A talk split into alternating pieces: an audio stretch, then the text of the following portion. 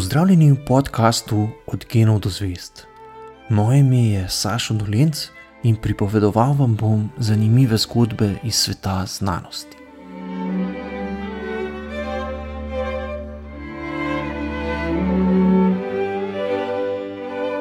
Devetega februarja 1905 se je mlad doktor kemije Max Samec z vojaškim pilotom odpravil na raziskovalni balonarski polet. Z Dunaja sta se skozi oblake povzpela na 4000 metrov višine, kjer ju je obsijalo zimsko sonce. Ob prelepem razgledu sta izvedla nekaj meteoroloških meritev, na to pa sta poskušala ostati čim več časa nad oblaki. Dokler je sijalo sonce, nista imela težav, le občutka nista imela, kam ju nese veter, saj sta imela pod seboj le goste oblake. Proti popoldnevu je začel balon počasi padati, a poleta nista mogla kaj dosti kontrolirati, saj sta lahko krmarila le z odmetavanjem balasta. Dokaj trdo sta pristala ob jezeru nekje v alpskem svetu. Kasneje sta ugotovila, da ju je balon ponesel kar 200 km od Dunaja do nekega večjega jezera blizu Salzburga. V zasneženi okolici ni bilo hiš, a ju je k sreči opazil nek pes, ki je začel lajati in priklical kmete. Pomagali so jima priti do bližnjih hiš, kjer sta prespala. Ker sta imela jasna navodila, naj se čim prej po pristanku javita nadrejenim, sta nekega fanta prosila, da odhiti v bližnje mesto in odda brzo jav, a tega verjetno ni storil, saj so ju na Dunaju medtem razglasili za pogrešana. Javiti se jima je uspelo šele čez tri dni, ko so o njuni ekspediciji že poročali v časopisih. Po naključju sta tako postala medijsko zanimiva, kar je mlademu slovenskemu kemiku omogočilo, da so ga opazili nekateri vplivni dunajski znanstveniki in mu omogočili začetek kasneje zelo bogate znanstvene kariere. Max Samec je sprva raziskovalno sodeloval s svetovno znanim botanikom Juliusom Wisnerjem, ki so ga zanimali kemijski procesi v rastlinah v odvisnosti od jakosti in sestave svetlobe, kot se je ta spreminjala z nadmorsko višino. Za takšne raziskave pa je bilo poznavanje balonarstva izjemno pomembno. Mladi kemik je raziskave sprva izvajal v prostem času, saj se je na Dunaju zaposlil kot gimnazijski učitelj kemije. Za tiste čase je uvedel zelo napreden način pouka kemije, pri katerem so dijaki poskuse izvajali sami, saj je bil prepričan, da se bodo tako največ naučili. Prek skupnih znancev se je kmalo seznanil z uglednim kemikom Wolfgangom Pavlijem, s katerim sta začela sodelovati pri raziskavah rastlinskih koloidov, kar je sčasoma postalo samčevo osrednje raziskovalno področje. Kot koloide označujemo zmesi, v katerih je neka snov v obliki zelo majhnih delcev razpršena v drugi snovi. V vsakdanjem svetu imajo koloidno strukturo recimo mleko, megla in stepena smetana. Raziskovalno pa je bil takrat zanimiv predvsem škrob, o katerem je bilo malo znanega. Med Prvo svetovno vojno so Maxa Samca rekrutirali in kot meteorologa poslali na vzhodno fronto. Ruska artilerija je 4. maja 1917 sestrelila njegovo letalo, vendar je pilotu vseeno uspelo zasilno pristati. Samec je imel prestreljena pljuča, a je po več mesecih zdravljenja okreval. To so bili za njega sicer zelo težki časi, saj mu je umrlo veliko bližnjih sorodnikov.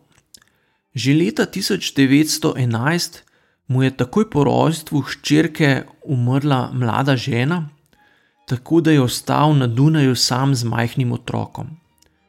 Sprva mu je pomagala sestra, na to pa je spoznal novo ženo, a tudi z njo nista ostala dolgo v zvezi. Ob koncu Prve svetovne vojne sta se ločila, saj je bil kot vojak dolgo odsoten, žena pa se je medtem zaljubila v drugega. Kmalo na to se je oženil še v tretje, čeprav so mu znanci ta zakon odsvetovali. Tretja žena, Hedi, se je namreč izkazala za bolestno, ljubosumno in psihično neuravnovešeno. Njene izpade je sicer stoično prenašal, a so z leti postajali prava nočna mora.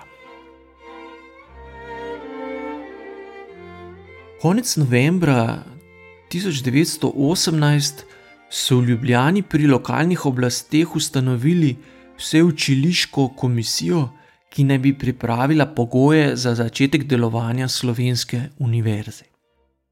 Člani komisije so morali poiskati ustrezne prostore za izvedbo predavanj in učiteljsko osebje, ki bi predavanja lahko izvajalo. Pošiljali so pisma po Evropi in pri uglednih profesorjih pridobivali mnenja o posameznih kandidatih. Maxa Samca je Wolfgang Pauli močno pohvalil in priporočil, tako da so mu poverili organizacijo študija kemije. Konec poletja 1919 so ga imenovali za prvega rednega profesorja kemije na tehnički fakulteti, Prva univerzitetna predavanja iz kemije pa so potekala v poslopju realke na Vegovi, kjer so vzpostavili tudi prvi zasilni laboratorij. Na začasnem laboratorijskem pultu iz lesenih zabojev je Anka Majer, ki je samcu pomagala tudi pri izvedbi prvih predavanj, začela raziskovati kemijo škroba.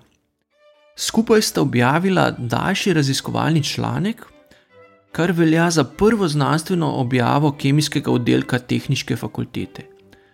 Članek je bil hkrati temelj prve doktorske disertacije na Univerzi v Ljubljani, ki jo je zagovarjala prav Majerjeva. Mlada univerza se je v prvih desetletjih soočila z mnogimi težavami, saj ni imela ustreznih prostorov, Prav tako je bilo zaradi gospodarske krize življenje nasploh težko. Max Samec je sprva živel z ženo Hedi in hčerko Teo pri sorodnikih v Višnji gori, saj si v mestu ni mogel privoščiti stanovanja. Vsak dan se je z vlakom vozil v Ljubljano, kar ga je močno utrujalo. Oktober 1922 se je končno preselil v novo hišo na Mirje, ki je takrat veljalo za blaten in samoten predel Ljubljane, a domače okolje zaradi ženine psihične bolezni za njega in za hčer nikoli ni bilo sproščujoče. Leta 1935 se profesori na Ljubljanski univerzi nikako niso mogli dogovoriti, kdo naj postane novi rektor, ko je z tega mesta zaradi zdravstvenih težav odstopil Fran Ramovš. Po takratnih pravilih so si fakultete zaporedoma izmenjevale to funkcijo, zato da ne bi filozofska fakulteta predlagala nadomestnega kandidata. Ker se niso mogli odločiti med biologom Jovanom Hadžijem in umetnostnim zgodovinarjem Izidorjem Cankarjem, se je zapletlo. Nasprotniki Hadžija so trdili, da rektor slovenske univerze ne more postati nekdo, ki ni slovenec, čeprav je vrhunski znanstvenik in organizator dela. Šlo naj bi za najpomembnejši položaj v slovenski kulturi, saj naj bi rektor skrbel tudi za gradno univerzitetne knjižnice, ustanovitev akademije ter vodil druge nacionalno pomembne projekte. Boj za rektorsko mesto je sčasoma postal tako silovit, da so o dogajanju začeli pisati tudi časopisi.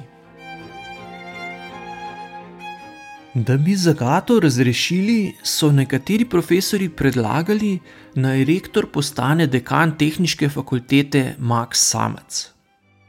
Na koncu je na javnem glasovanju Hadži prejel 21, Samec pa 23 glasov in tako postal novi rektor, čeprav je sam glasoval za Hadžija. Zaradi preglasovanja so bili nekateri profesori, še posebej matematik in prvi rektor Josip Plemelj, tako razočarani, da so gojili za mero še vrsto naslednjih let. Plemelj je denimo izstopil iz akademije, ko je vanjo maja 1940 prišel samec.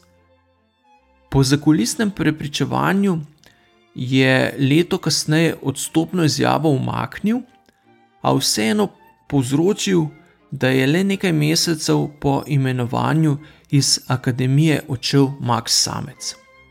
V izjavi decembra 1940 je zapisal: Moj razlog za odstop je spoznanje, da bude matematično-prirodoslovni razred šele po mojem izstopu mogel priti do uspešnega dela.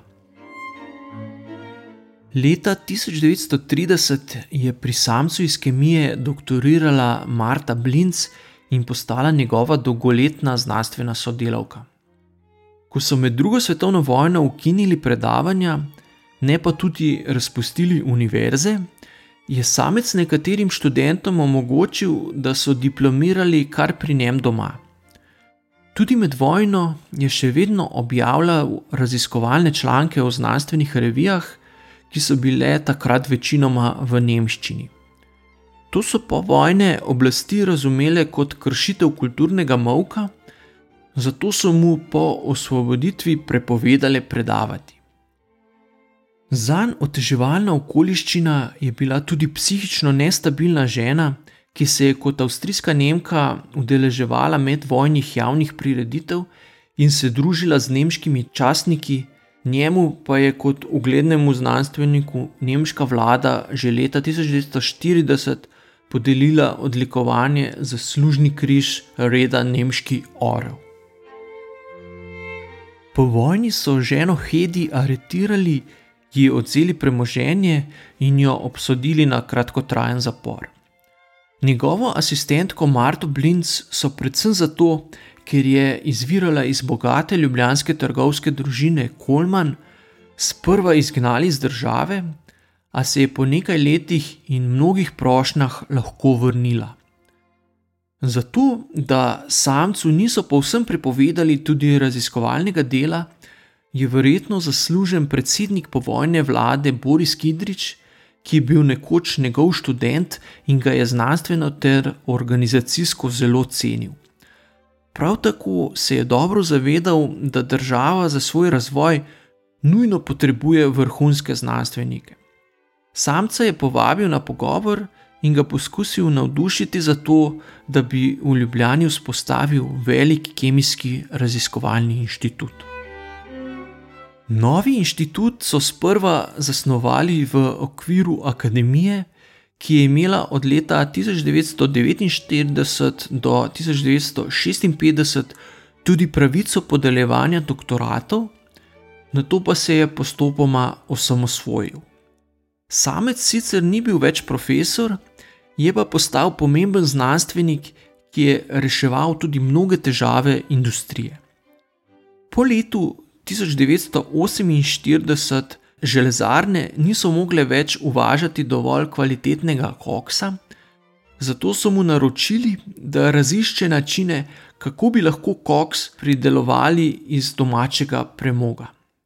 Samec je dobil službeni avto s šoferjem, da je lahko nadziral poskuse na različnih lokacijah. Rezultati so bili ugodni, saj so kmalo začeli graditi dve koksarni. Težave pa je povzročala žena Hedi, ki moža ni več napadala le verbalno, ampak tudi fizično.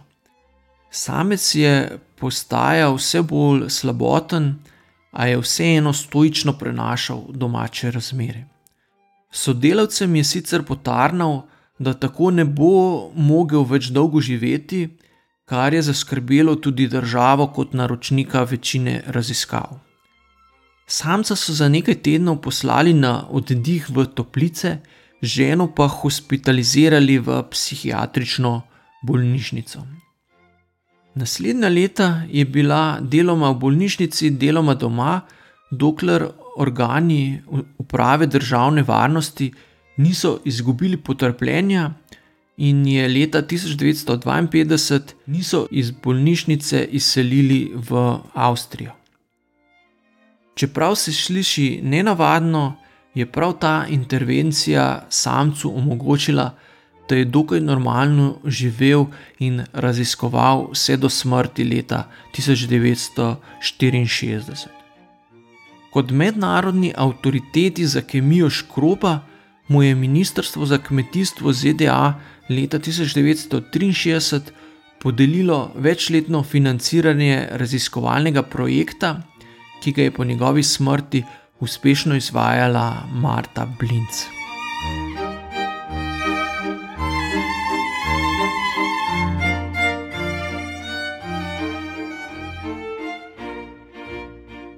To je bil podcast Od genov do zvest.